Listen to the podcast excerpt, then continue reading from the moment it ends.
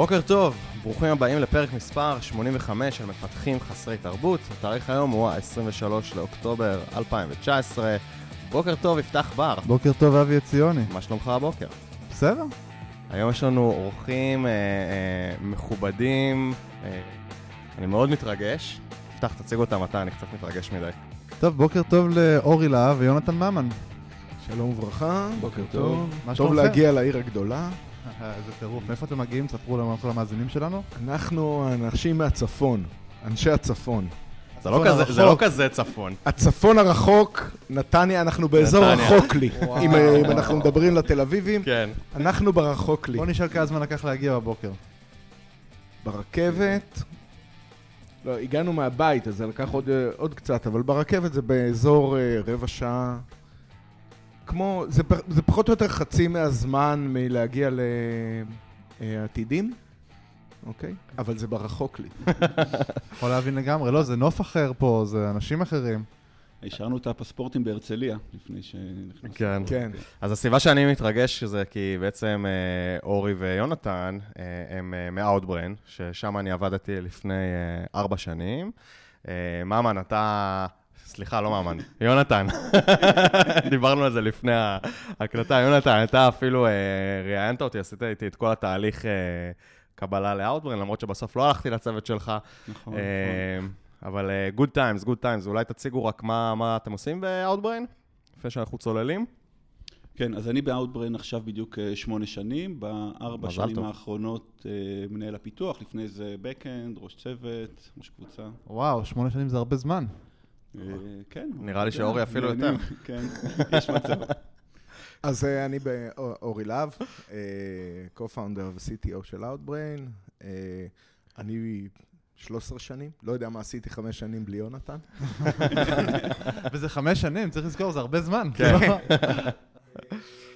טוב, אני כבר יודע מה מה Outbrain עושה, אבל אולי בשביל המאזינים שלא מכירים, אולי תיתנו כמה מילים על מה החברה עושה. טוב, אז אה, Outbrain הוקמה לפני אה, 13 שנה, עם החזון של לעזור לאנשים למצוא תכנים שהם יכולים לסמוך עליהם שהם מעניינים.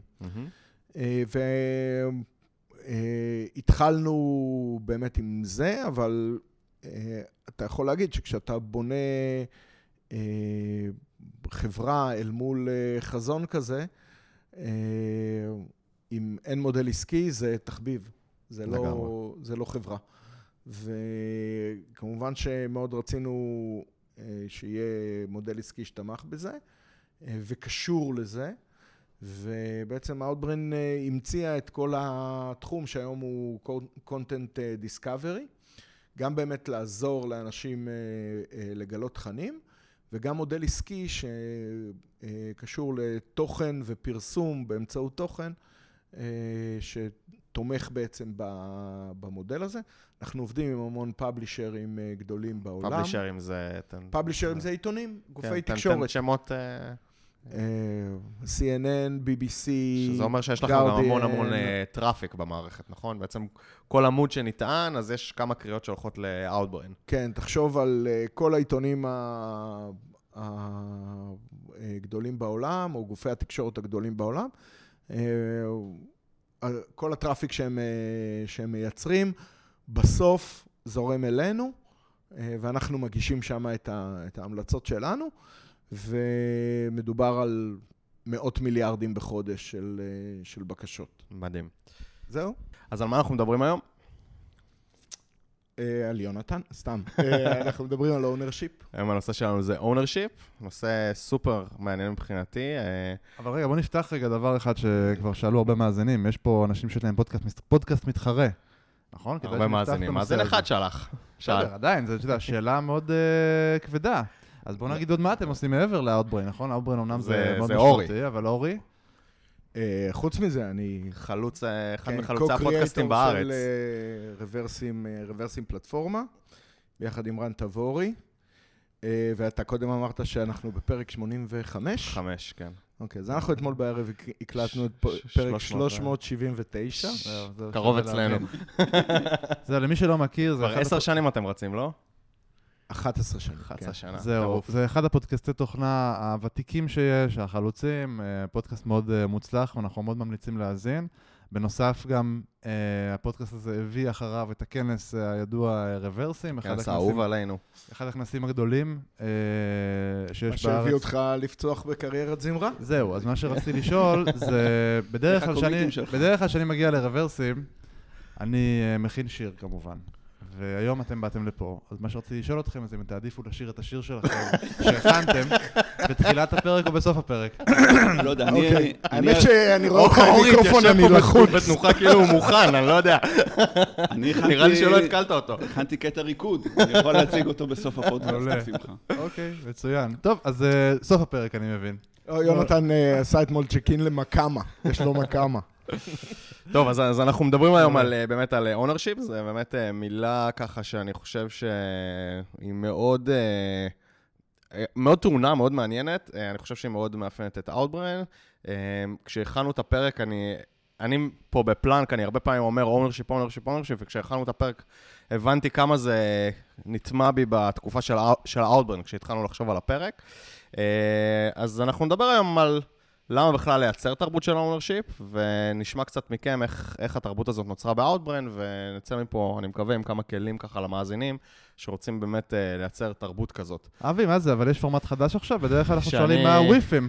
נכון, לא יודע, הצגתי. אל תהיה אתה נורא. מתרגש נראה לי. זורמים, אולי זור- אני אולי מתרגש. אשאל- אולי אני אשאל בכל זאת. יאללה. אז אה, יונתן, מה הוויפים שלנו היום? וויפים זה what's in it for me. כן, אז אני חושב אה, בעיקר אה, קצת פרספקטיבה על, אה, על ownership. זאת אומרת, זה, זה, זה אבולוציה של, של תהליך, אה, ונראה לי שזה מה שבעיקר מעניין. זה אבולוציה של ערך. של ערך. כן. אוקיי. של, של איזשהו... התהליך, התהליך. הוא רק תומך ב- בערך של, של ownership. אז, אז מה זה ownership? אוקיי. אם אני יכול להגדיר את זה, זה, זה באמת אה, סוג של ערך שמטמיע ביחד איתו אה, תהליכים והתנהגויות. אבל מה הערך הזה אומר? מה המשמעות שלו? אתה עושה אתה, משהו, אתה בא להסביר למישהו שבחיים לא שמע את המילה הזאת. אז תראה, זה יותר נוח להסביר את זה למי שהוא הורה, אוקיי. אוקיי? אני מקווה. שיש אה, מאזינים שהם הורים. יש לנו אה, כמה, לפחות תפתח. העיניים שלי נפתחו כזה, כן? כן, מה יש להורים? לא יודע, אתה הורה, אתה שולח את ה... אתה עובד, אתה מחנך, מגדל את. אה, את הילד שלך, מטמיע בו כל מיני אה, פיצ'רים שאתה, אוהב, אה, ואז אתה, יום אחד אתה שולח אותו למערכת החינוך, אם זה לגן. או לבית ספר. אבל בזה ששלחת אותו ל production הזה, שנקרא מערכת החינוך, אה, לא, לא, נגמר, לא נגמר את ה ownership שלך. אתה מאוד אוהב לדעת איך הוא מתנהג גם שם, גם כשאתה לא לידו.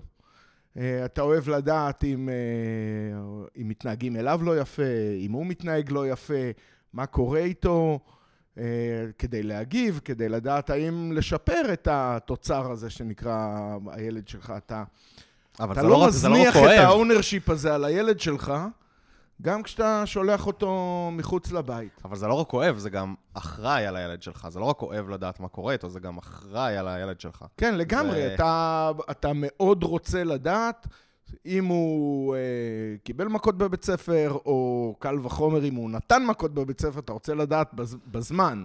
ההבדל כדי פשוט, להגיב. ההבדל פשוט בין אה, ילדים לבין אה, מערכת production, שבמערכת production אתה שולח אותה ואם עשתה עבודה טובה, היא לא חוזרת.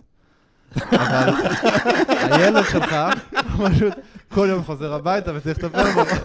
לא, סליחה, זה מרמור של הורים, אפשר להמשיך הלאה. מעולה. אבל אני חושב שהיא חוזרת כל יום. כן, זה נכון. אם ממשיכים לפתח אותה בעצם, זה בעצם הופך להיות משהו לגמרי continuous באיזשהו מקום. כי גם אם אתה, גם אם היא עובדת טוב ב production ואתה עדיין אומר איזה יופי, עשיתי עבודה טובה, עדיין תמשיך לעבוד על לשפר אותה ולשלוח אותה שוב ביום הבא לצורך העניין. אה, אני חושב שזה הרבה העניין של אה, כמה אכפת לך, וכאילו בגלל זה אני מתחבר לאנלוגיה של הילד, כמה אכפת לך ממה שאתה עושה, כמה אתה לא רק מסתכל על המשימה שנתנו לך ב Jira, או באיזה כלי שאתם לא משתמשים בו, אלא אתה אומר, מה אני מנסה להשיג פה? כמה אכפת לי מזה שזה יהיה טוב? איפה זה יכול להשתבש? מה קורה כשאני שולח את זה לבית ספר או ל production? איך אני דואג לזה שזה יעבוד כמו שצריך? אני חושב שזה ההבדל, האכפתיות. אבל בוא נודה על האמת, זה גם כמו הילד בבית ספר, או כמו, זה הפרצוף שלך. נכון. גם נכון. זה אומר עליך משהו, איך שהילד שלך או שהקוד שלך מתנהג אם, אם, אתה, ב production. אם אתה מתייחס לזה באמת ככה, זאת אומרת, באמת, לא בכל חברה יש את ה ownership הזה גם על הקוד שלך, שאתה אומר, זה הפרצוף שלי. לא, אתה אומר, זאת הייתה המשימה, זה מה שעשיתי. זהו, אני רוצה להתייחס לזה, כי רק לאנלוגיה, כי אנחנו בטח נצלול לפרק וזה יעלה הרבה פעמים, אבל זה ממש ככה, יש הבדל בין, לצורך העניין, ניקח... יש, יש הורים יותר ownership ופחות ownership, אפשר לה- להקביל את זה באותה מידה. כאילו, אם נגיד הילד אני חייב לשים פה disclaimer, אני גדלתי במערכת החינוך הקיבוצית, אוקיי? לא, זה לא, זה לא משנה מודל בעיניי. ownership זה אחר. לא, זה לא משנה, כי אם אתה לא מדבר על מערכת חינוך, אין לדבר על לשלוח את הילד שלך, ואז, אה, לחבר הביתה, ואז אתה מגלה שלא יודע, שהוא הרביץ לחבר, או עשה משהו, השאלה איך אתה מרגיש, יש איזשהו משהו כזה. וזה אותו דבר שאתה עשית באג ב production, או שאתה יודע, משהו נכשל בעקבות עבודה שאתה עשית, יש שאלה של איך אתה מרגיש, אתה אומר, כן, זה אשמתו של ההוא, זה בעיה של הזה, הילד השני הציק לו, אני לא יודע מה, ישר להאשים את הילד השני, שזה בעצם lack of ownership, ולא להיכנס למערכת החינוך, אבל יש הרבה... זה... יש הרבה הורים עם lack of ownership. גם בארץ לצערנו, אבל ownership זה כאילו, איך שאתה שומע שהילד שלך, לא יודע, הרים יד, או עשה איזה משהו לא בסדר, או שאתה לא לפי הערכים שלך בבית, זה להגיד, בוא'נה, להרגיש רע עם עצמך, קודם כל, כאילו להתכווץ כזה במקום ולהגיד, אה, רגע, מה, למה, איך זה קרה, פישלתי, ומיד כל המוח שלך כמעט עובר להתעסק בזה. אה, ובאותה מידה אני מרגיש שיש מפתחים שהם ב production ככה הם מרגישים עבור הקוד שלהם, נכון? לעשות deployment ל production, היה איזה באג, זה מסיט אותם, הם כאילו לא יכולים עכשיו לשמוע, מה, אבל בדקתי את זה 200 פעם, אבל רגע, אבל למה, ואיך זה קרה, ומה? לפעמים זה משהו שהוא בקטנה, לא אבל, שוב, אבל זה התחושה, עזבו רגע אם זה היה פשלה או לא פשלה, התחושה, עצם זה שאותו בן אדם מרגיש איזושהי אחריות מסוימת וחושב על זה וזה מסיט אותו, זה בעיניי מייצג בצורה מאוד טובה את ה ownership שאתה מרגיש כלפי אותו מערכת או אותו ילד. עכשיו אתה מדבר על זה, אה, אתה זרקת, בדקתי את זה 200 פעם.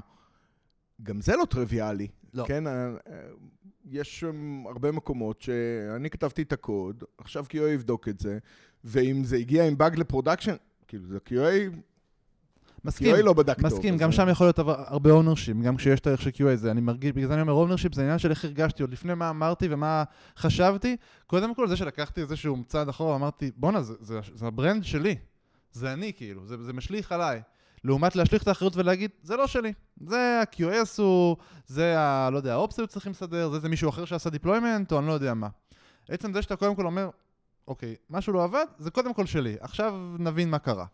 אתה יודע, אנחנו מדברים עכשיו על הדברים הרעים, על הבאגים, על הדברים. נכון. זה, אבל יש גם את הדברים הטובים, כאילו, במקום שעשיתי, פיתחתי feature שהביא impact על, ה, אה, על ה business, זה נכון. שלי. נכון? ו- לטוב- לטוב ולרע, זה שלך. כן? כן, זה הרבה מעבר, אני חושב, גם לענייני ה production ובאגים, אה, או הדברים הטכניים. יש גם אספקטים לא רק, אה, לא רק של production, גם טכניים, כאילו, על הקוד, על ה- איך, מתי, מי משדרג את הגרסאות של הספריות ודואג שהן תמיד יהיו חדשות. נכון. מי עושה refactoring על קוד שהוא פחות, אה, כן. אה, פחות אה, מוצלח. מי, מי בכלל מסתכל על זה? עזוב מתי עושים את זה. ואיך, ויש את הדברים בכלל שהם לא קשורים ל- לטכנולוגיה. נגיד KPI עסקי, להביא רעיונות חדשים למוצר, כל מיני דברים. נכון, אני חושב ש- שגם באמת מפתחים שהם אונרים על ה- על הקוד שלהם, על המס- או על המשימה שלהם, לא על הקוד שלהם, אז הרבה פעמים יבואו ויגידו, רגע, ממש קצת- חשיבה קצת פרודקטית כזאת, רגע, מה אנחנו מנסים להשיג פה? אולי אפשר להשיג פה, לעשות אה, MVP יותר פשוט, אולי אפשר אה, לקצר פה את הדרך, לראות אם זה עובד, כזה ה-build measure learn שאנחנו תמיד מדברים עליו. וזה באמת מגיע בדרך כלל ממפתחים שאתה מרגיש שהם יותר owner ים, שיותר אכפת להם מהמשימה, ולא רק ממה שכתוב ב ticket, אלא מה באמת אנחנו מנסים אה, להשיג. אז רגע, אני רוצה לשאול, אז למה בעצם באתם אתם לדבר על ה ownership? זאת אומרת, אני מבין ש... אני מניח שיש ownership וכולי, אבל מה... מה... מאיזה זווית אתם מגיעים לדבר איתנו על ownership? יש אלף דברים שאפשר, שאתם יכולים לדבר עליהם מהניסיון הרחב שלכם.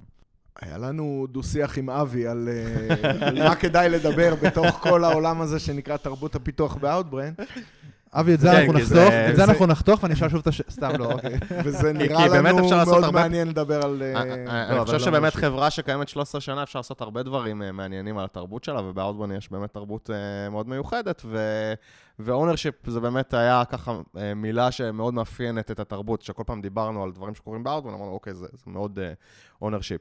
מתי מתי אתה חושב שזה התחיל באאוטבריין? זה תמיד היה ככה? ממן, כשהגעת אחרי לא. חמש שנים זה היה זה היה יונתן. אני- האמת, אני זוכר איזו פגישה אה, מאוד מיוחדת שהייתה, שאתה עשית, אורי, עם שי פרץ ואיתי הוכמן, ובעצם, אני חושב שזה אחרי זה... ת- ת- תגיד מי הם רק. איתי היה מנהל הפיתוח ושי מנהל האופרציה. ואני זוכר ששאלו, כאילו, היינו כולנו במטבח, ובעצם אני חושב שזה, היה- אם אני לא טועה, זה היה אחרי אה, סדרה של אה, תקלות production, או איזושהי תקופה כזאת בעייתית, והצגתם שני, שני מודלים. אה, אחד זה NOC, ולהביא בעצם, ככה דמיינו את זה, קבוצה של סטודנטים שישבו מול מסכים, יהיה להם כפתור של restart וטלפון להתקשר אם יש בעיה, ובבוקר אתה תקבל את איזשהו דוח של מה שהיה אה, אה, בלילה. נגיד במילה רק NOC, אתה יכול להסביר את זה עוד פעם? Network Operation Center. שזה מישהו שיושב באמת, ובעצם מסתכל על המערכת. ומנטר אותה, ומטפל בתקלות ברמה של הוא אחראי על. production בגדול. ושותה כן. הרבה קפה. ושותה כן, הרבה כן, קפה. אוקיי, כן. סבבה. אה, זה בדרך כלל 24/7 אנשים שמחוץ. לפיתוח, יש להם אה, יכולות מסוימות ככל שהם אה, אולי... זה יותר קרוב, אני חושב, ל system, IT, דברים כאלה, נכון? כן, זה בא מהעולם של operation. כן. אוקיי. אה, והאופציה השנייה הייתה אה, בעצם אה, מודל ownership יותר רחב אולי ממה שהיה, אולי לפרמל את, ה, את הדברים שהיו ול, ולהעצים אותו על כל, על כל הארגון, ובעצם אז התחילו גם ה-on call אה, שלנו. ואז לא להביא NOC ים, זה המודל ואז השני. לא להביא NOC ים, ובעצם end to end עד הסוף. זאת אומרת, זה היה כאילו, אנחנו איפשהו היינו באמצע, האם ללכת עד הסוף עם ownership מלא, עם... אז וזה היה כזה דיון, למרות שנראה לי שהתוצאות שלו היו ברורות כבר מראש, אבל זה היה כאילו, אנשים, ש... אנשים אה, הביעו דעתם, מה, מה נראה להם, מה לא, ואני חושב שהיה מאוד ברור שמי שרצה ללכת לכיוון של, אה, אה, של ownership מלא, end to end, זה היו החבר'ה היותר אה, מקצוענים, או כאלה שזה יותר חשוב להם, כאלה שדווקא הצד הטכנולוגי שלהם היה- יותר חזק, לעומת אה, אנשים שפחות הלכו לכיוון הזה ורצו יותר NOC, זה אנשים שהיו יותר אה, מנותקים מהקוד גם ככה. זאת אומרת, ראית את זה, ולכן גם היה פה את הפוטנציאל של לחבר אותם אה, יותר חזק, ואז בעצם הלכנו עם, ה, עם המודל הזה לפחות כמה שנים קדימה עד, עד הגרסה הבאה שלו. אז, באיז- אז, לפני, אז לפני כמה זמן זה היה בערך?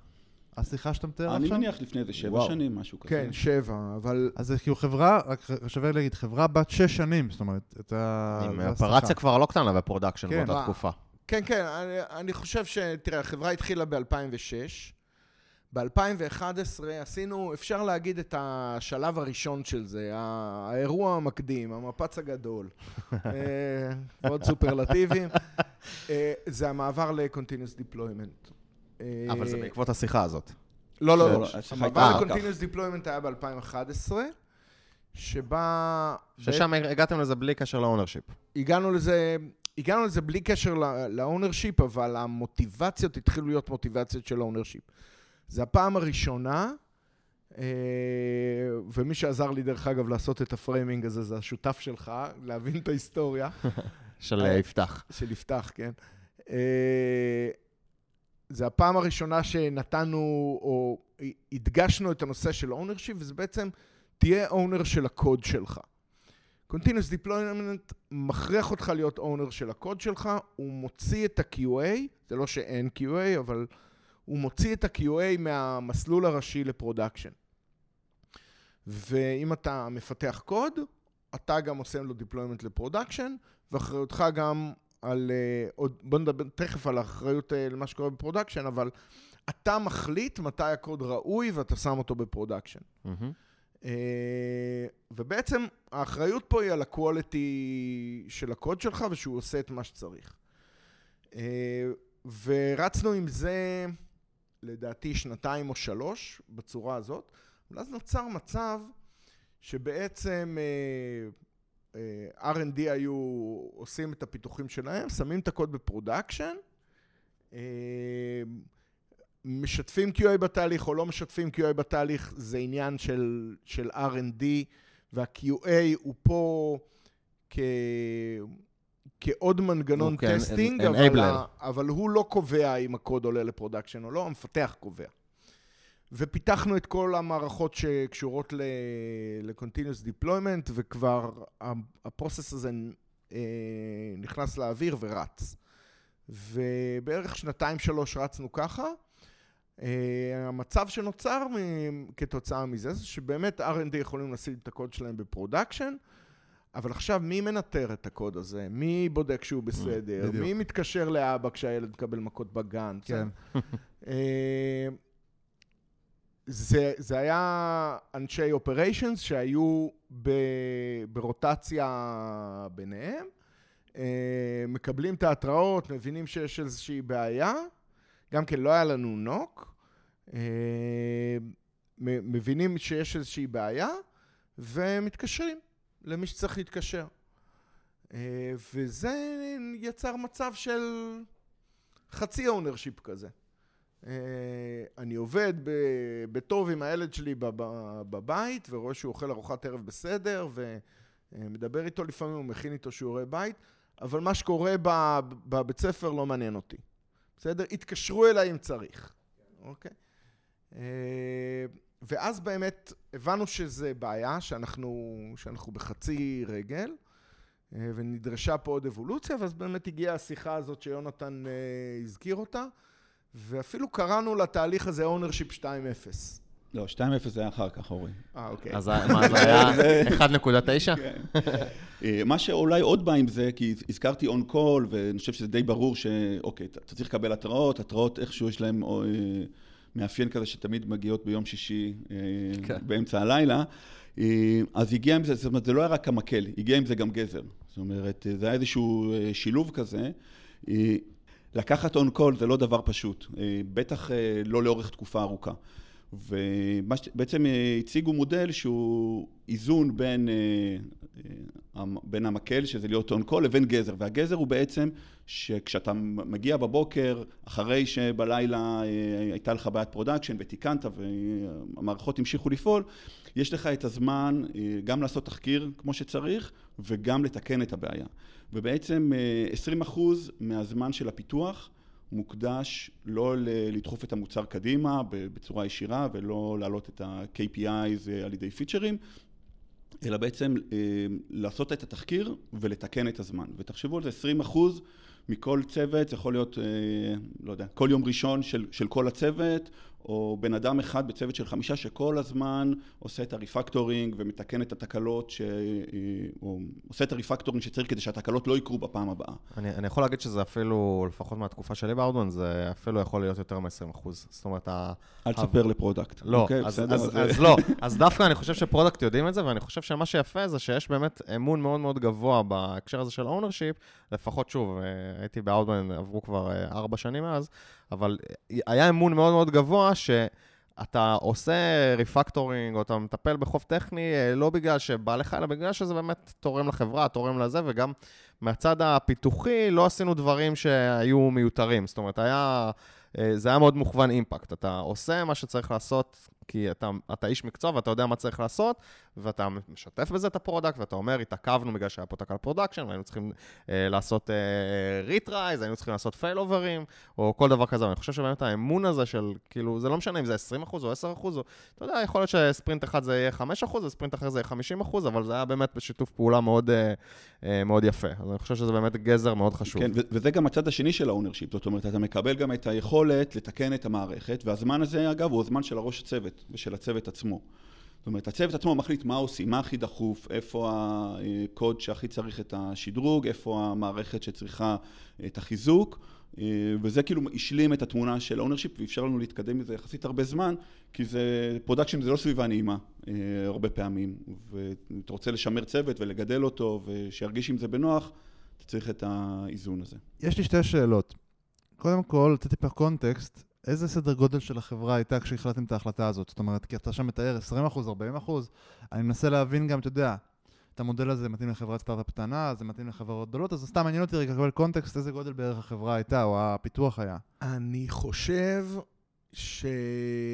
שכשעברנו ל-Continuous Deployment היינו סדר גודל 30 מפתחים, וכשעברנו ל-ownership, אה, יונתן תזרוק כן. מספר, אה, היינו בערך 70 אוקיי. מפתחים. ו production wise, אתם, אתם יודעים בערך, אה, היה traffic משמעותי כבר בשלב הזה של ה-30 מפתחים?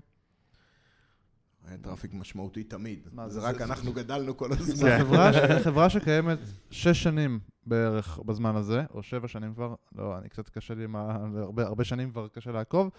זה, זה חברה שחייבת להיות בשלב די מתקדם מבחינת uh, המערכת שלה והצד העסקי שלה, היא לא יכולה להרשות לעצמה, קשה לרוץ החברה. כבר הייתה בשלב ה-growth כן, שלה. בדיוק. אבל מבחינת, כבר היה אה, product כאילו, כן, אני חושב מבחינת אה, וכבר- מספרים קצת, אה, לדבר על כמה בקשות ביום, בוא נגיד, בואו לא ניכנס מעבר לזה, בסדרי גודל זה היה במאות מיליונים, לא? בתקופה הזאת. בקשות ביום. בקשות לשרת ביום של Outbrain. אה, בוא נגיד שהיום, היום אתם כבר במיליארדים, לדעתי. היום לא? Outbrain מטפלת בכמה? 6 מיליון בדקה או משהו כזה? זה אה, גם, גם אחרי שש שנים זה כנראה ה scale של אה, לפחות עשרות מיליונים, אם לא כן. מאות. אז זה מערכת production heavy זה מאוד. מערכת production. מאוד heavy עם, אה, אז- אה, אז- disaster recovery בין data centerים. סבבה. אז רציתי השאלה באמת אם. זה, אם זה רלוונטי לסטארט-אפ אה, שהוא בשלב יותר מוקדם, עוד זה לפני מעניין. אם זה רלוונטי, עניין אותי עוד לדעת, כי עוד לא דיברנו על זה, אמרנו שהייתה פגישה ודיברנו על מה זה ownership, אבל מעניין אותי לדעת מה החלטתם בפגישה, וכאילו מה, איזה, איזה החלטות, אתה יודע, כי יש החלטה ויש גם את היישום בפועל, זה גם כן יש איזה הבדל גדול. אז זה פחות או יותר מה שתיארתי, זאת אומרת, החלטנו ללכת על... אה, מודל של החליטו ownership. ללכת על ownership בצורה מלאה. אבל מה זה כולל? אמרת שנגיד יש on call, אבל זה הדבר היחיד שיש לא, זאת ב ownership? אומרת, יש on call, יש לך 20% לתקן אחר כך את הבעיות. הגיע התהליך של ה take-in, או retrospective, או אה, post mortem. תלוי איך, ש... איך כן. קוראים לזה, שזה Mm. גם כן אה, הוטמע ב... אה, בצוותים. הוספנו אוטומציה. אה, קודם כל בנינו מערכת, אה, אה, מערכת מטריקות שהיא מקבילה למערכת ה production, ש- שהיא בעצמה מאוד, עם, עם יכולות מאוד גדולות והספקים מאוד גדולים, כי אתה מדבר על מיליוני eventים שנזרקים מהשרתים בכל דקה, ואתה צריך אה, לטפל בכל ה eventים האלה, וזה כולל מה vitals הכי אה, בסיסיים של כל מכונה, ונגמר ב-KPI עסקיים של כל service. Mm. והאוטומציה שהוספנו היא גם מאוד קשורה ל ownership, כי בעצם כל צוות, כל מפתח, יכול להוסיף את המטריקות שלו על ידי אינסטרומנטציה של הקוד שלו, פשוט ל- לכתוב קולס ש, שזורקים מטריקות לתוך המערכת הזאת, אה, ו, ומעל המטריקה שהוא יצר, הוא יכול לייצר התראות אה, בערכים מסוימים. ולהחליט האם ההתראה הזאת היא, היא אה, critical, האם להעיר אותו בלילה, לא להעיר אותו בלילה. אני חושב שזה הקטע של ה- להחליט. זאת אומרת, זה הכל ב self serve. יש לך כלים, תעשה איתם מה שאתה צריך כדי לוודא שהמערכת בחיים. אתה לא צריך שמישהו יגיד לך, איזשהו ארגון יגיד לך, זה המטריקות שה service הזה צריך, תקום ככה בלילה. לא, אתה, אתה אחראי על תראו. אתם מתארים תרבות של ה ownership, ואתם מתארים כמה כלים. אז קודם כל מעניין אותי לדעת אם הכלים האלה הם הכרחיים, זאת אומרת, כל מה שרוצה עכשיו לעשות תרבות של ownership, אני חייב להגדיר את ה-20% סדר גודל נגיד, והתחקירים, אני חייב לעשות on call כדי לייצר ownership, והאם זה מספיק? זאת אומרת, אם הייתי עושה רק את זה, האם בהכרח היה נוצר לי תרבות- של ה ownership, או שיש עוד משהו מעבר לזה?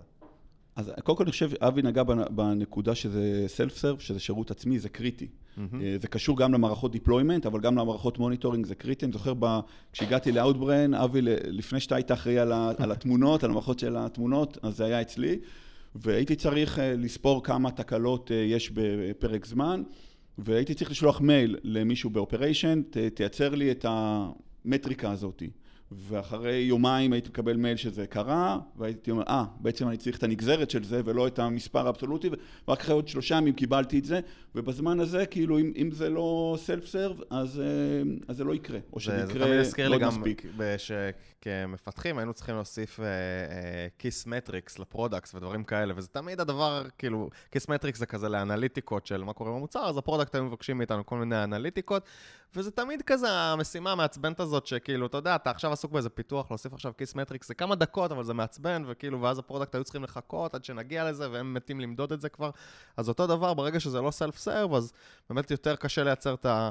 את ה ownership הזה, כי אתה אומר, אני צריך את המטריקה הזאת כדי לבדוק שמשהו עולה ל production. אם אין לי אותה, אז אני לא יכול לנטר את זה, אז אני גם לא אעלה ל production, אז אני, כאילו, זה הכל מאוד אה, אה, משליך אחד על השני. אם אין לי את היכולת לבדוק את זה ב production, אז אני גם מפחד להעלות את זה אני, ל production. אני מרגיש שאתם מתארים מערכת מאוד מגניבה למי שיש לו אופי של ownership כאילו לעבוד בתוכה. אבל תיארתם משהו נורא יפה שאהבתי, שאמרתם שגם אלה שבפגישה הזו הרגישו פחות owners, ראיתם הזדמנות לקרב אותם ולייצר להם יותר ownership, ומעניין אותי איך עושים את זה? זה, זה, זה ממש מעניין, כי באמת, ה- בר... אני, אני עוד שניה אתן לענות, אני רק רוצה לתת עוד איזה touch קטן. כשאתה, כשאני נכנסתי ל Outbrain, הגעתי מחברה מאוד מאוד שונה, ומאוד מהר נטמעתי בתרבות הזאת של ownership. כן, כאילו, בחודש הראשון פחדתי לעלות ל production, אבל אז הבנתי, אה, כן, יש לי CICD, יש את המטריקה הזאת, אני יכול לשים לי alert, אני... יש לי את הכל מוכן, וכאילו זה נטמע לי uh, ב-DNA, ובאמת אני חושב שהשאלה המעניינת זה איך יוצרים את, ה- את ה-DNA הזה, כי זה לא טריוויאלי לקחת ארגון שקיים שש שנים, ומזיזים אותו לכיוון הזה. אז קודם כל הופכים את זה, הופכים את זה לקל. כל הכלים וכל הדברים שבאים אה, מסביב לזה, והסלף סרביות, אה, הופכת את זה לקל. כן. שזה לא סיפור גדול להיות אונר, בסדר? וה, ומה שקורה זה, לא יודע, אבי, אתה יצאת, ואתה אומר פה, אני מדבר על ה ownership, כי, כי, מי שנמ, כי מי שנדפק פעם אחת כבר לא יכול להיגמל מזה. אתה אמר- לא יכול לחזור אחורה. אמר המשורר הלאומי. אתה... אתה לא... קשה מאוד לחזור אחורה מ, אה, ממקום כזה, אה, אבל איך יוצרים את זה? תשמע, זה באמת, אה, אני, אני תמיד חוזר לימים הראשונים של ה-continuous deployment. אה, התחלנו ב... נקרא לזה מהלך חינוכי, הצגנו את ה... את ה... נקרא לזה התמה החדשה הזאת של, אה, של ownership. ואני זוכר את המפתחים באים אליי, אוקיי, מת, מתי מתחילים? זה, זה הגיע מהם לגמרי. אני חושב שאפילו אה, כשכבר לנו היה ברור שצריך ללכת ל-continuous deployment, אה, אנחנו כהנהלה אפילו קצת עצרנו את זה עד שנרגיש ממש מוכנים לעשות את זה. ואז בא שינוי שהוא קודם כל תרבותי. אה, פשוט אמרנו, לא מוציאים יותר גרסאות. מעכשיו כל אחד מסיים את ה feature שלו, מעלה, מעלה ל production. אה, וזה... אני לא זוכר דרמות מסביב לזה, אני רק זוכר דבר אחד, אה, שזה, אתה יודע, אתה מכיר את זה שעובד אה, קומפרסור מסביב לחדר וכל הזמן מייצר רעש, ואז פתאום מכבים אותו ואתה מיד מרגיש את ההבדל? אז... זה עמוס עוז אמר על ביבי. כן. באמת? זו- דוגמה מאוד יפה, אבל... אבל כן. זה פתאום הוריד את הדרמות שהיו בעולם שהוא בלי continuous deployment, כי באמת כשאתה משחרר כל הזמן, כל הזמן אה, פיצ'רים, אתה נמנע מהדרמות האלה של שחרור גרסה. שחרור גרסה זה דרמה. אתה פתאום אה, שופך את ה... אה, שופך את הדלי של המים. ו... זה מעניין. עוד נקודה אחת, ה- באמת, ה... באמת בניהול, אחד הקשיים הכי גדולים, האתגרים הכי גדולים זה שינוי, אוקיי? וזה השינוי, וגם אתה ת- תראה אחר כך, אם יהיה לנו מספיק זמן לדבר גם על השינויים שבאו אחר כך, אז כאילו כל שינוי כזה הוא מצריך אנרגיה. אז אחד הדברים, אני חושב, שעזרו בשלב הראשון, ואבי אולי הרחבת את זה כמישהו שהצטרף, זה שזה היה חלק מהנרטיב. אם עכשיו תשאל צוות אה, אקראי באאוטבריין מה, מה הוא עושה, הוא ישר, התשובות יהיה, אני אחראי על. זה ה ownership שלי וזה זה, זה מאוד מאוד חזק. אני חושב שברגע שזה הפך להיות הנרטיב, זה כבר די התגלגל מעצמו.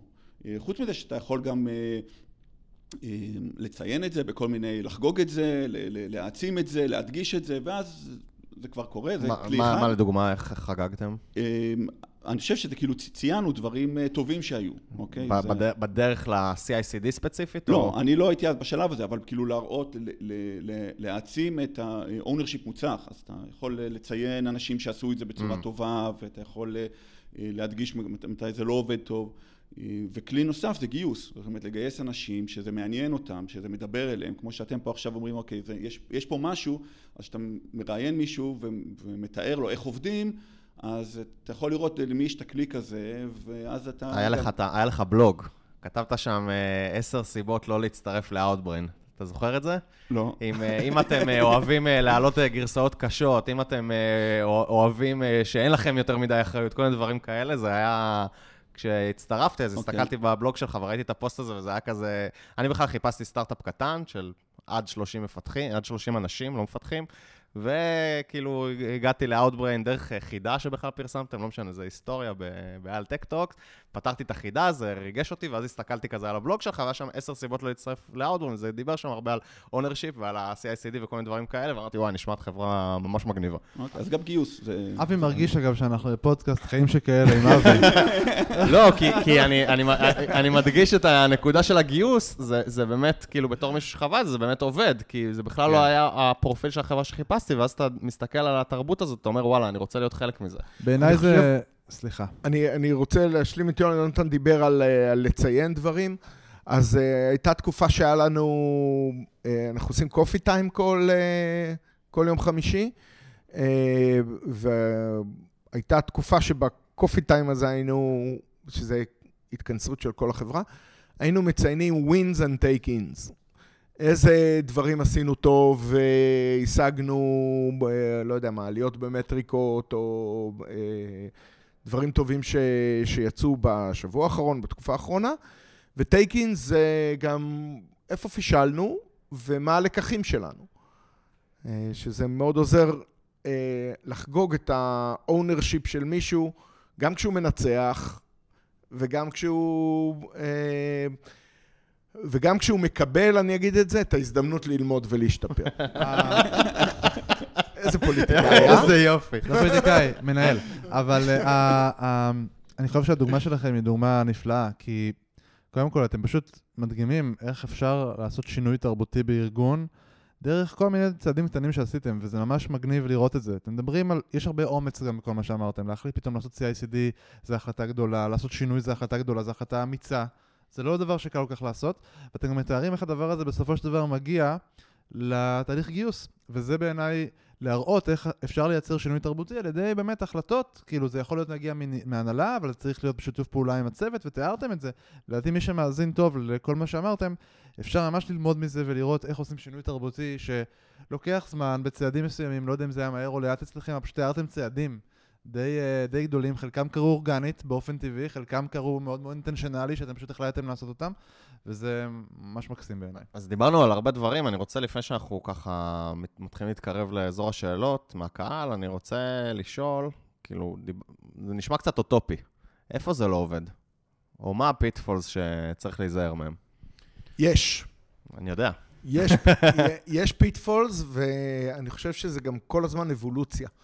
אתה עושה צעדים, אתה מגלה איפה הדברים אה, לא עובדים ואתה, ואתה משתפר, בסדר? זה mm-hmm. ת, כמו תהליך פיתוח מוצר, זה תהליך של פיתוח תרבות. Mm-hmm. זה, זה אותו דבר.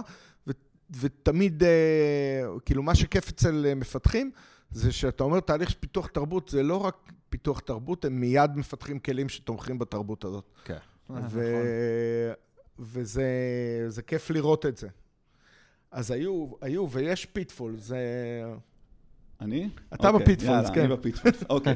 אז uh, אני חושב שמה שראינו זה שהייתה דרך מאוד מסוימת לממש את הערך הזה של ownership או את השיטת העבודה הזאת, והיא הביאה איתה, וזה לא הדרך היחידה, והדרך שהייתה, שאנחנו ראינו אותה לאורך השנים, היא בעצם, היא הייתה מאוד uh, טריטוריאלית.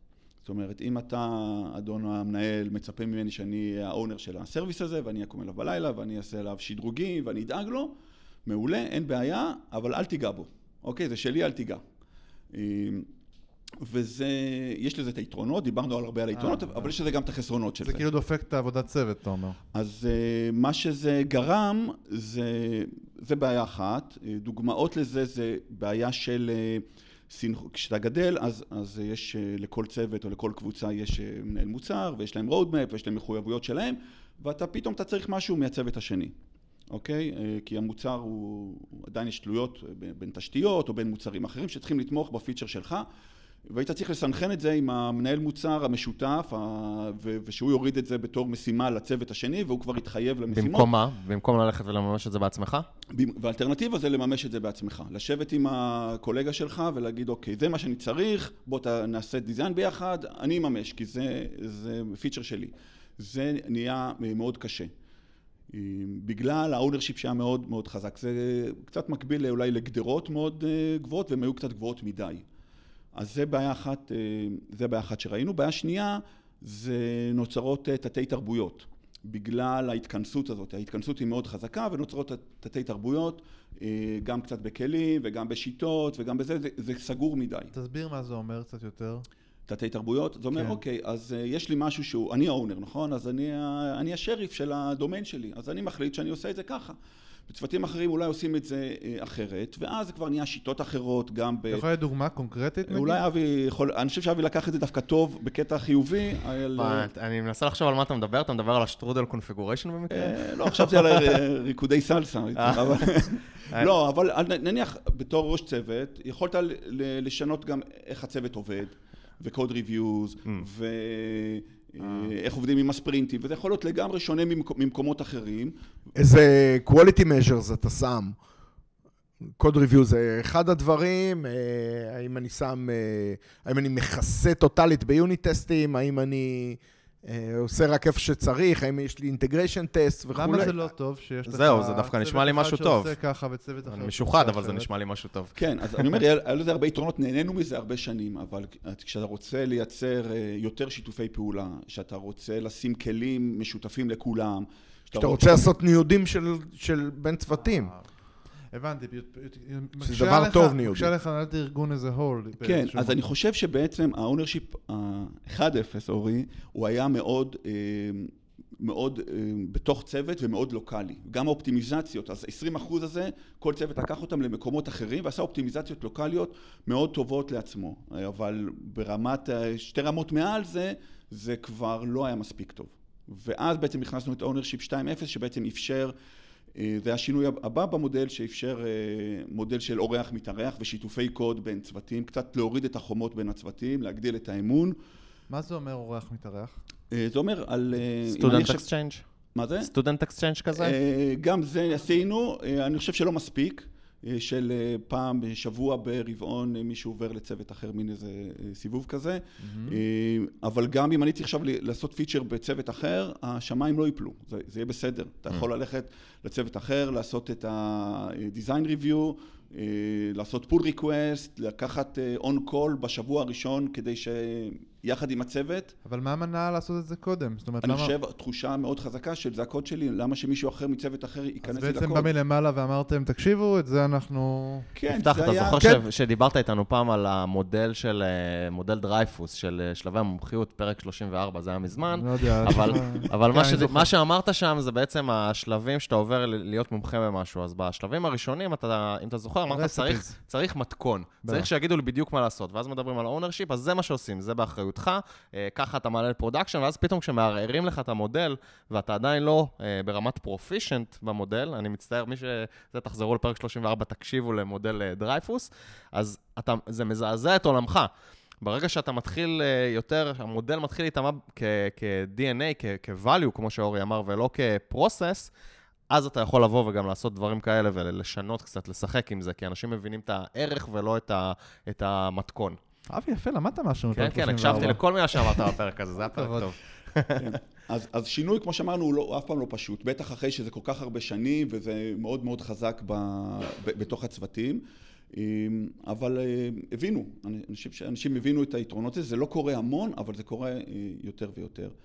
ואני חושב שאולי הגרסה הבאה שלנו זה בעצם היה הכנסה של הגילדות, שזה אולי היה השינוי המשמעותי הבא, קצת ב ownership. מה ו... זה אומר? תסבירו את מה, מה עשיתם תראה, בגלל התופעה הזאת של, שיונתן אה, תיאר של אה, תתי תרבויות, אגב, תתי תרבויות זה, זה תופעה סוציולוגית כמעט, אה, ש, שקורית כשגוף גדל. והוא מתחיל להתפצל לתתי תתי גופים או מחלקות, ויש ownership מאוד חזק, אז כל גוף מייצר לעצמו גם תרבות הרי, אה, טיפה שונה, והתחלנו לראות אה, שלכל אה, תת תרבות או מחלקה יש את היתרונות ואת החסרונות שלה. בגלל הקונטיינריזציה הזאת של, של, כל, אה, של כל מחלקה, אתה לא נהנה.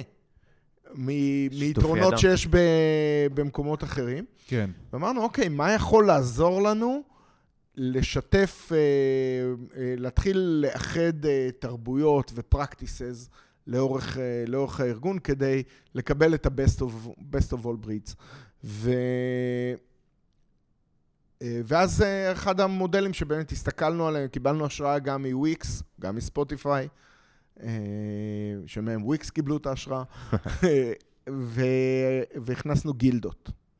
אוקיי, תן- אז תסבירו- יהיה לנו פרק. על זה, אבל תן לזה בשתי מילים. אה, גילדות בעצם הם, אה, המונח של גילדות זה איגוד מקצועי.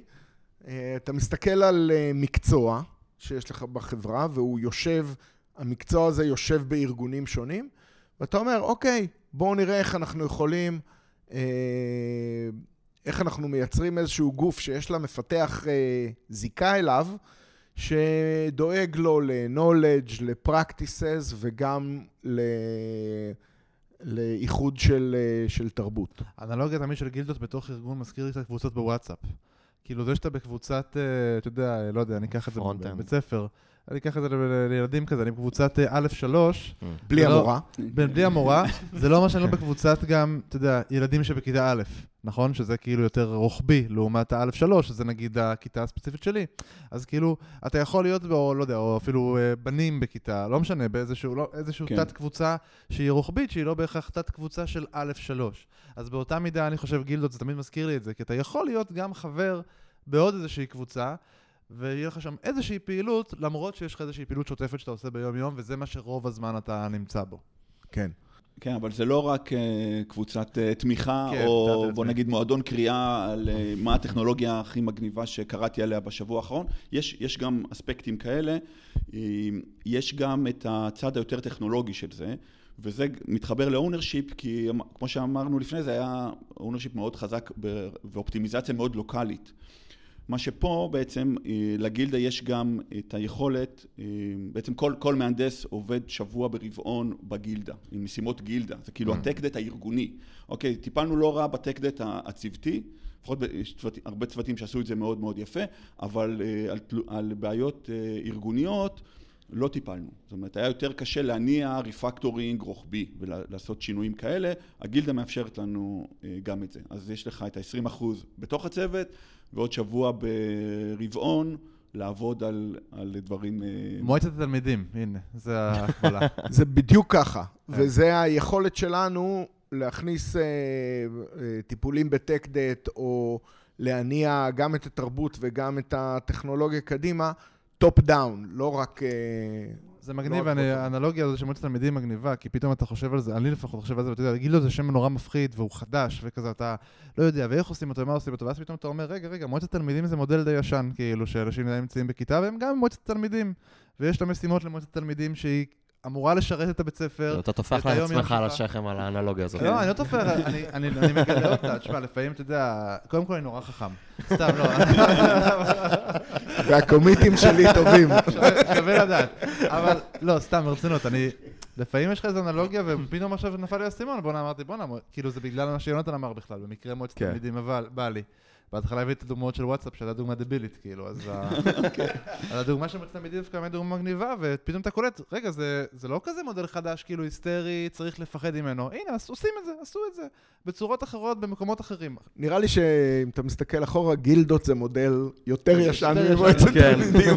תשמע, אני לא מכיר מספיק כבר את מדי. המודלים של... טוב, נראה לי שאנחנו מתקרבים אה, לסיום, אה, אז לפני שאנחנו... אצלי גילדה, אגב, זה מ-World of Warcraft בכלל, רק שתדעו לכם, זה בכלל? משחק אה, אחר. משחקי אה, כן. RPG כאלה.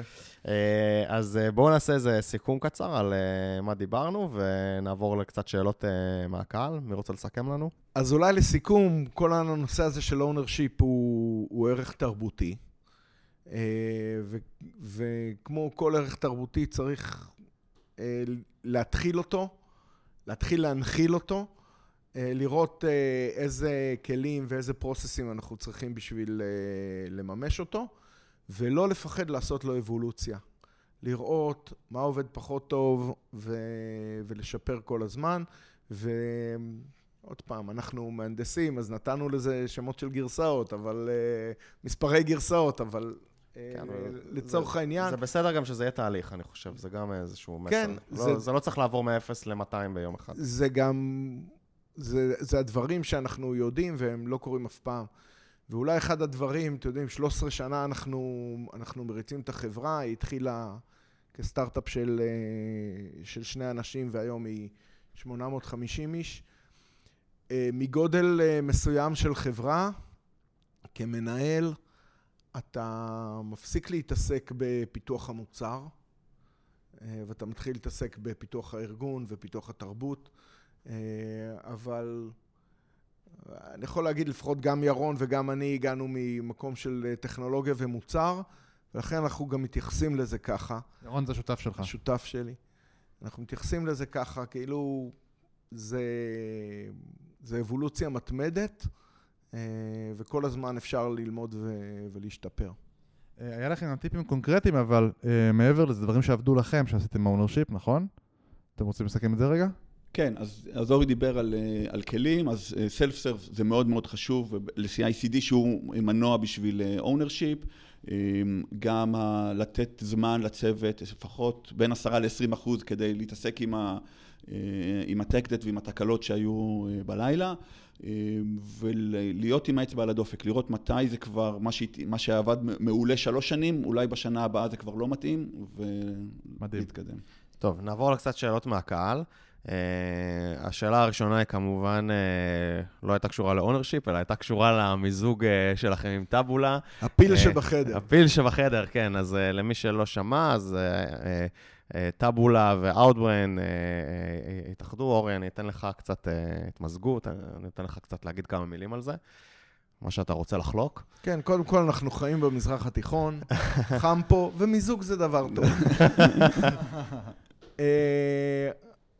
כן, אנחנו, אמרתי, הפיל, בב, הפיל שבחדר, לפני מספר שבועות הכרזנו על הכוונה שלנו ושל טבולה להתמזג, בעיקר כי אנחנו מגלים שיש לנו הרבה יותר מה לעשות ביחד, כדי להגיע למצב שבעולם או בשוק שאנחנו נמצאים, אנחנו כוח משמעותי יותר, שיכול להשפיע על תהליכים שאנחנו רואים שקורים אה, בעולם שלנו, אם זה אה, חוסר היכולת של, אה, או מיעוט היכולת של גופי תקשורת לשרוד, שזה, גופי תקשורת זה דבר שמאוד חשוב במשטרים דמוקרטיים, וחשוב שהוא ישרוד.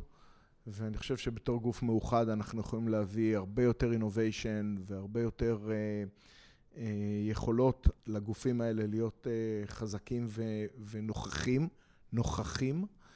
Uh, והדבר השני זה, אה, בוא נגיד ככה, השתלטות מאוד גדולה של ה big 2 או big 3 על, אה, על שוק הפרסום. אה, מה ש... big two זה פייסבוק גוגל? פייסבוק גוגל, אה, שבתקציבי הפרסום אונליין הם, הם נמצאים שם באחוזים מאוד, מאוד גדולים, מה שמחליש את, אה, את, ה, את הפאבלישרים, את העיתונים, והיכולת שלנו כגוף מאוחד לעשות שם שינוי. מדובר בשתי חברות טובות, חזקות, אה, אה, רווחיות וישראליות, חשוב להגיד, כן. אה, שהתחרו ביניהם הרבה, הרבה מאוד שנים, והגיעו למסקנה שיותר טוב ביחד. מגניב טוב, מאוד. שיהיה בהצלחה. כן. בוא נחזור לשאלות על ownership. כן, אז בוא נראה. יש פה את אחיה אלסטר ששואל, מתי קוד מחליף בעלות? מה קורה לקוד יתום? זאת אומרת שמי שהיה אחראי עליו כבר לא נמצא ואין עליו בעלות, ויש בדיוק שם באג שמציק ללקוחה וצריך לקיים אותו. אוקיי, okay, זה יופי של שאלה. אז קודם כל, ה ownership הוא תמיד ברמת צוות, הוא לא אה, בן אדם, לא, זה לא מהנדס אחד שאחראי על, uh, על, ה, על, על, על הקוד או על הסרוויס. ולכן גם אם מישהו עוזב או במילואים או בחופשת לידה או זה, יש, יש, בדרך כלל אה, יש צוות שעומד מאחורי זה. אבל גם אה, ארגונים, אה, שינויים ארגוניים אנחנו עושים, צוותים מקבלים אה, אחריות אה, שונות, עוברים לקבוצות שונות ועושים דברים, גם זה קורה. וחלק מתהליך, כמו שאתה אומר, אוקיי, צוות עכשיו עובר לקבוצה אחרת, ויש לו מנהל אחר, והם צריכים ללמוד את זה, אז, אנחנו, אז חלק מהתהליך הזה זה גם מי האונר החדש של, ה, של הקוד, ויכול להיות שהוא יעבור לצוות אחר. אז הדברים האלה פשוט לא, אנחנו מודעים לזה, וזה לא, לא נופל על הרצפה. כן, יש מונח שנקרא בס פקטור, מי שלא מכיר כן. בתוכנה, שזה גם קשור ל-collective code ownership, שמדברים בעצם, זה, זה לא רע לספר את זה, אבל uh, כמה אנשים, יש כאלה שקוראים לזה לא פקטור בשביל להימנע מזה, אבל כמה אנשים צריכים להידרס לידי אוטובוס כדי שכאילו אנחנו נהיה בבעיה. ובס פקטור שווה אחד, בדרך כלל זה כאילו בעייתי, כי באמת אם מפתח עוזב, אז אכלת אותה. אז לוטו פקטור זה כמה אנשים צריכים כן, לזכות בלוטו ולצאת הקטע. שבלוטו זה כנראה באמת רק אחד מהצוות יזכה בלוטו, ובבאס פקטור יש סיכוי מאוד גבוה שהם יהיו כולם באותו אוטובוס, נוסעים לערב גיבוש או משהו סיכוי כזה. מאוד גבוה. יותר גבוה מ- יותר גבוה מלזכות אני לא בלוטו. יודע איפה אתה למדת סטטיסטיקה, אבי, אבל סיכוי מאוד גבוה. יותר גבוה בכמה סדרי גודל מלזכות בלוטו. בוא נאמר, זה היה, זה היה שיקול השנה כשלקחנו את כל החברה לטנריף. וכמה טיסות. איך עושים את זה. אני אני אהבתי שהם צילמו שם כזה עם אה, רחפן, אה, 800 איש יושבים על שולחן אחד, כן, אה, ודן, היה- שהיה ראש צוות שלי, כתב, אם אתה מסוגל להושיב את כולם בשולחן אחד, אתה עדיין סטארט-אפ. זה יפה. אה, עקיבא בלוך שואל שאלה שאני לא יודע למי מכם מופנית, אולי לשניכם, אה, מה קורה למנהל של אה, סטארט-אפ קטן כשהוא הופך למנהל של תאגיד גלובלי עם מאות עובדים? איזה skill set צריך לשמר, איזה לרכוש ומאיזה להיפרד, ואיך לומדים את המיומנויות החדשות וממי. שאלה קלה כזה ככה. כן. כן. בקטנה. זה, that's my life, 13 שנה. כן. אמ, אני לא יודע. יש, אה, באמת, כאילו, לא יודע כי לא עצרתי לרגע לחשוב על זה. אבל, אה, אבל תמיד יש לך את התחושה שאתה, אתה כאילו מתחיל את הסטארט-אפ, זה מאוד גדול עליך. בשבילי זה ההתנסות הראשונה ב... אה, בלהקים, אתה לומד הרבה הרבה הרבה הרבה הרבה, אתה מרגיש שאתה כבר מתחיל לשלוט על העניינים, להבין מה קורה, ואז החברה גדלה. ו... ואתה עוד פעם מתחיל להשתלט על העניינים, ואז החברה עוד פעם גדלה. וזה ככה 13 שנה. יואו, זה נורא. 13 שנה, 13 שנה אתה מתוח אה, טיפה מעבר לגבול היכולת שלך, אה, וזה נפלא, אני חייב להגיד. זה נפלא וזה קשה, חבל על הזמן. אה, לא לך. תקשיב, אני, לא, אני באמת, אני באמת שואל את עצמי, כי באמת כשהתחלנו להקים סטארט-אפ וזה, והם אמרו לי, מה, אבל עכשיו אתה בטח עובד נורא קשה, וזה אחריות, וזה אה, משכורות של אנשים, ו... ואז אה, עשיתי רטרוספקט שנייה על החיים שלי ואמרתי, רגע, מתי עבדתי קל? אה, וזה אחד הדברים, לא יודע, הצבא מלמד אותנו אה, להתח- להתחיל דיונים ב-10 בלילה, די דפוק, אבל, אבל אה, לא יודע, זה, זה ככה החיים, ו... אה, זה, יש בזה המון, כי אתה לומד המון. כן. עכשיו, אני פשוט מנטלית קשה, פשוט מנטלית זה קשה, זה כאילו... כן, אבל זה מאוד rewarding, זה rewarding נכון. במקום שבו אתה אומר, אה, וואלה, היום למדתי משהו חדש, היום, אה, היום הבנתי איך עושים דברים שלא הבנתי קודם, וכל הזמן יש לך את ההזדמנויות האלה ללמוד. מדהים. טוב, חבר'ה, הגענו לסוף הפרק, אז uh, הגיע הזמן. אתם יכולים לשיר את מה שתכנן, מה שהכנתם. הקומיטים של יונתן טובים. דרך אגב, עכשיו הוא עשה מערכת שעושה קומיטים לבד. מה אתה אומר? מה אתה אומר? בעצם בנית מתכנת. לא צריכים לגייס יותר, אז בעצם, אוקיי, אפשר כולם לדעת, לא מגייסים יותר מפתחים לאוטברן, רק הולכים לפטר, כי בעצם יש לנו מערכת שבונה מפתחים. טוב, חברים, אה, הגענו לסוף הפרק, אני מאוד מאוד נהניתי, בשבילי זה באמת היה a walk down memory lane, זה היה ממש אה, לא נו- הרגישו. נו- נוסטלגי ו- וכיף, גם הרגשתי שאני יודע על מה מדברים, תמיד אתה יושב עם מישהו ואתה פה הרגשתי שאני יודע על מה מדברים. אה, אז אה, כיף שבאתם, אה, שיהיה אה, בהצלחה עם המיזוג ובכלל. אה, וזהו, שיהיה לנו אה, יום קסום. יום קסום לכולם. תודה רבה, היה כיף. יאללה ביי. תודה רבה.